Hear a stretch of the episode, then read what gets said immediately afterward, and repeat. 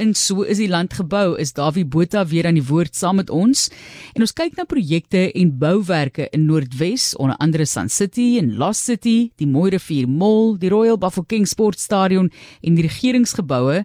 Dawie Botha is 'n siviele ingenieur en hy was onder andere vir 19 jaar die uitvoerende direkteur van die SA Instituut van Siviele Ingenieurswese en as ingenieur is hy tans ook mede-voorsitter van ProSet Science Engineering and Technology. Dis 'n onderafdeling van die Nasionale Wetenskap en Tegnologie Forum. Welkom aan jou Dawie.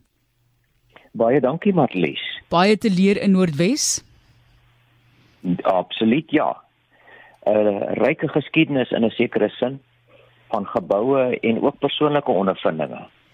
Ja, ek kan dink so, so jy het al so baie ja. tyd en baie van hierdie plekke ervaar, né? Ek ja, dit is altyd ja. so interessant om te luister. So, wanneer was jy in Noordwes vir hierdie bouwerke? Ek was van uh, 75 tot 82 assistent stadsingenieur van Potchefstroom. Sjoe. En dit is nou waar ek net maar my tande geslyp het op op Potchefstroom se se ryke verskeidenheid van projekte waar ons verlede week ook so 'n bietjie gesels het. So dit was so 'n 7 jaar, 'n fantastiese 7 jaar as jong ingenieur waar ek baie projekte moes aanpak met die ondersteuning natuurlik van die stadsingenieur en die twee adjunkte wat vir my baie ruimte gegee het ek hoop nie om foute te maak nie, maar om om vir my te help as ek as ek as ek begin fout maak, jy ja. weet. En uh, die die ruimte gegee het om my eie kop te volg ook. Want dis ongelukkig ook 'n ingenieurs aspek. Jy weet, ons wil ons eie koppe volg. Wel met al die kreatiwiteit en kennis so te same is dit altyd baie interessant om te sien wat iemand soos jy na vore mee kom maar jou storie begin soos jy sê in 1976 jy is in Potchefstroom ja. eerste huis daar gebou. Vat ons deur hierdie verhaal van jou ervaring van die omgewing.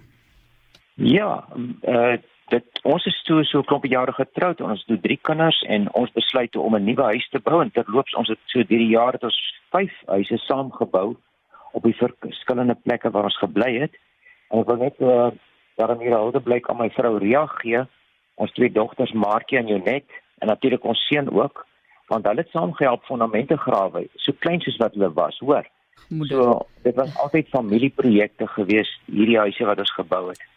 Nou ja, my broer Hannes Botha was 'n argitek. Hy is ongelukkig oorlede 'n hele klomp jare terug. En hy het 'n pragtige huis ontwerp vir ons en die drie kinders. Maar ja, soos ingenieurs maar dikwels is wou ek baie self doen.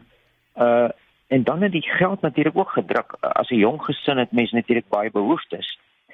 En ek onthou nog die dae toe ek so 4:00 in die môre in die straatlamp se lig gaan dagga meng het om teels te lê en dan gaan ek nog stort en dan eers weer werk toe vir 'n volle dag. En daar besluit ons toe op lyklik vloere en ek hier 'n trokkie om die teels by Mazista daar naby Swartruggens te gaan haal. En op pad reën dit absoluut katte honde. Plek plek is die pad onder water. Maar maandagooggend in Potchefstroom skyn die son toe baie helder en daar's nie 'n wolkie in die lug nie. Ek onthou nog daai blou lig maar daardie mooi rivier is toe in vloed want sy oorsprong lê daar verder weg in die, in die noordweste en wat toe vir my baie interessant was op daardie stadium dat die splinte nuwe groot brug waarmee die N2 die rivier oorsteek is toe nou toe want die vloedlaap water loop weerskante oor en raai wat die ou Wolmaranstraat bruggie van baie jare her is hoog gedroog. Nou ja, so kan ingenieurs hulle ook maar misreken. Ek sluit myself ook maar daarbey in natuurlik. En baie jare, jare later toe uh, is ons weer 'n slag in Potchefstroom en ek kom nog so eenmal 'n jaar daar en staan verbaas, daar's 'n spoggerige nuwe mall gebou en die mooi rivier loop onder deur die gebou en ek dink by myself o aarde dis baie uniek en ek hoop die ingenieurs het daardie vloedlyne van die mooi rivier onder nie gekry want ek moet sê dis nie 'n maklike rivier om om uh, 'n vloedlyn te voor te bepaal nie. Baie wispelturige riviertjie met bouwerke langs die kante. En uh, so ek hou maar ook my asem soos baie ingenieurs op oor ons bouwerke want dit is 'n feit dat ons vir baie jare lank professioneel verantwoordelik is vir die besluite wat ons geneem het. Uh as jy geregistreer is by die ingenieursraad van Suid-Afrika dan is jy ook verantwoordelik vir wat jy ontwerp het vir soos ek sê baie baie jare. Maar 'n man wat groot gedroom en groot risiko's geloop het daar in die in die in die Wes-Transvaal van die van die vorige uh, regime was Saul Kersner. Nou hy was legendaries en in baie opsigte ook baie kontroversieel. 'n Mens kan maar sy geskiedenis gaan lees. Hy was die seun van Russies-Joodse immigrante en hy het by Wits gestudeer en op op op die lange lange termyn het hy toe ook as geoktroeëerde rekenmeester gekwalifiseer. Nou ons ken hom natuurlik as die skepper van die baie bekende Sun Hotel groep en hy het wêreldwyd opslae gemaak met sy projekte tot ek dink aan die Karibiese eilande het hy 'n fantastiese hotel gaan bou. Nou die een wat vir Suid-Afrika natuurlik uitstaan is die Sun City Lost City kompleks wat uh, beskryf kan word dis gebou in die middel van niks. As jy nou op daardie Wes-Transvaalse vlaktes gaan gaan ry dan ehm um, sal jy sien dit is 'n relatief uh oninteressante wêreld maar ja. Nou as ek reg onthou het hy blykbaar plek gesoek daar rondom 'n hotel en 'n dubbelhuis te bou want in die apartheidsjare was dubbel in Suid-Afrika verbode. Maar in die tuisland is dit toegelaat en natuurlik was dit werkskepping maar ook belastinginkomste en Toe was daar ook in daardie gedeelte van die wêreld die oorblyfsels van die Pilanesberg vulkaan. Dis nou deel van die uh Bosveld stollingskompleks wat 'n mens dalk een of ander tyd oor kan praat. Al wat oorgebly het van daardie vulkaan is 'n sirkel van randjies en dan in die middel is daar so 'n gelykte. En sou dit blykbaar daaroor gevlieg en sê hier wil ek bou. Nou ja, so ek sê dis so te sê in die middel van niks.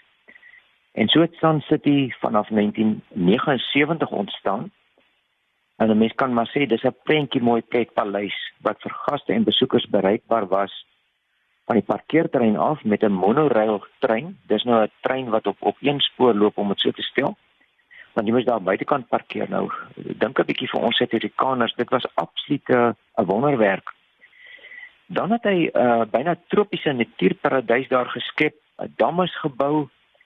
Hy het die Gary Player golfbaan daar gebou en dan nog 'n wildreservaat en 'n swembad met apparaat wat so nou en dan 'n golf skep sodat jy in die bosveld kom brandery. Nou dis dis nogal redelike lekker as jy met jou kinders soontoe gaan en jy gaan uh, in daai swembad staan, hier kom 'n golf en jy kan branders ry op hom.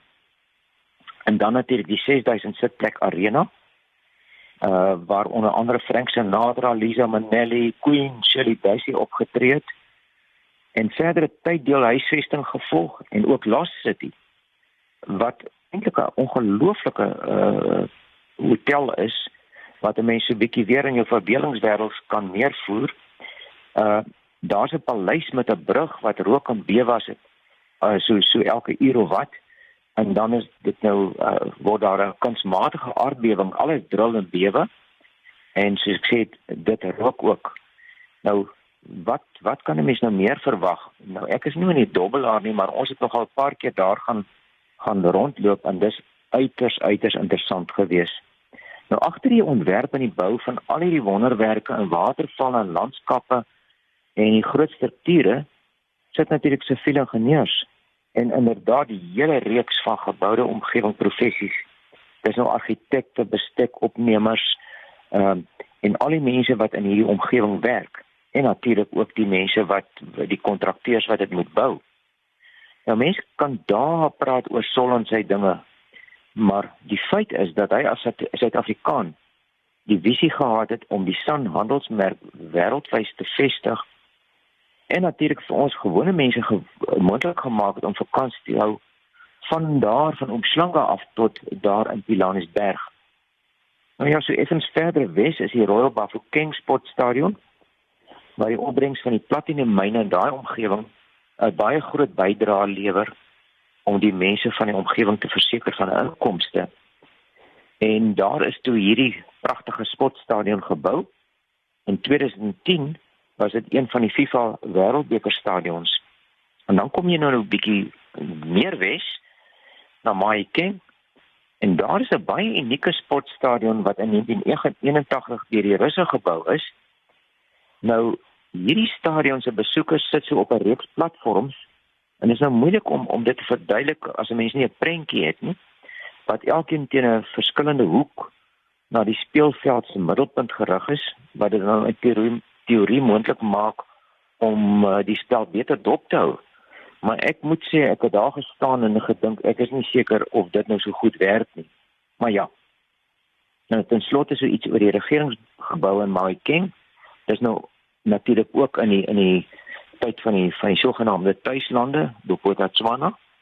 Nou daar's 'n baie bekende argitek Bunny Brits en die mense kan gerig vir 'n bietjie gaan Google oor die ongelooflike lang lys van geboue wat hy ontwerp het.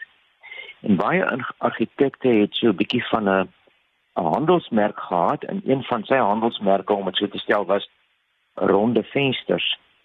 En daardie 'n gebou is toe ontwerp uh, en gebou met interessante piramidagtige dakke en rooi baksteen fasades. Dis nou die die buitekant van die gebou. En dan hierdie boogstrukture waar die venster geplaas is.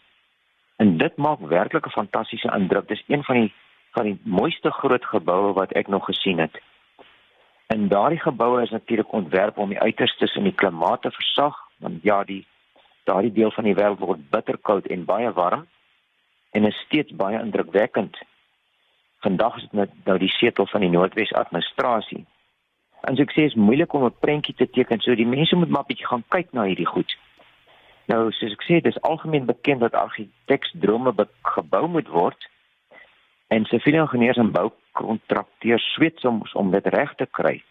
Maar 'n plan word gemaak en ek moet vir julle sê, ek en my het me, broer het menige verskille gehad oor die huise wat hy vir ons ontwerp het uh want uh, hy droom oor die huis en ek moet die ding maak bou. Maar ja. So Suid-Afrika baie baie interessante strukture en geboue en 'n mens kan jare lank deur hierdie land reis om te gaan kyk. Moenie net verbyry nie. Gaan spesifiek 'n bietjie aan kyk en plekke rond na die geboue wat ontwerp is en dink jy bietjie al die professies en die die kontrakteurs wat agter hierdie geboue gesit het. So nou ja, dit is die Noordwes. Ek dink mense kan bietjie gaan Google ook net om te kyk as jy dalk nou nie self daar kan kom nie, kan 'n mens maar so ja. aanlyn ook gaan loer. As jy Google kan jy op images ook klik en dan sal jy baie van hierdie plekke sien wat jy dalk nie sommer sal ervaar nie. Ek weet nie wanneer ek weer Noordwes gaan uitkom nie, hopelik een of ander tyd. Ja. Maar Dawie, baie baie dankie. Dit is so interessant. So, hoe lank eh, hoe lank terug het julle daar weggetrek het jy gesê? Ons is in 82 uh, is is ons daar weg en dis ek nou na Richards Bay toe as adjunkstaf geneem.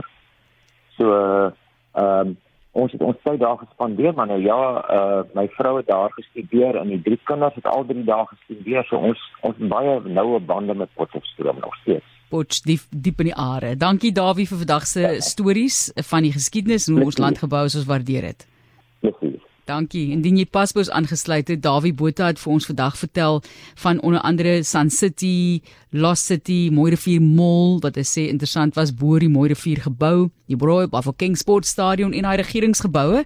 Onthou volgende week Dinsdag gaan ons weer gesels in Swaziland gebou, ons toer so tussen hierdie argitektuur alles van hawens tot dan nou regeringsgeboue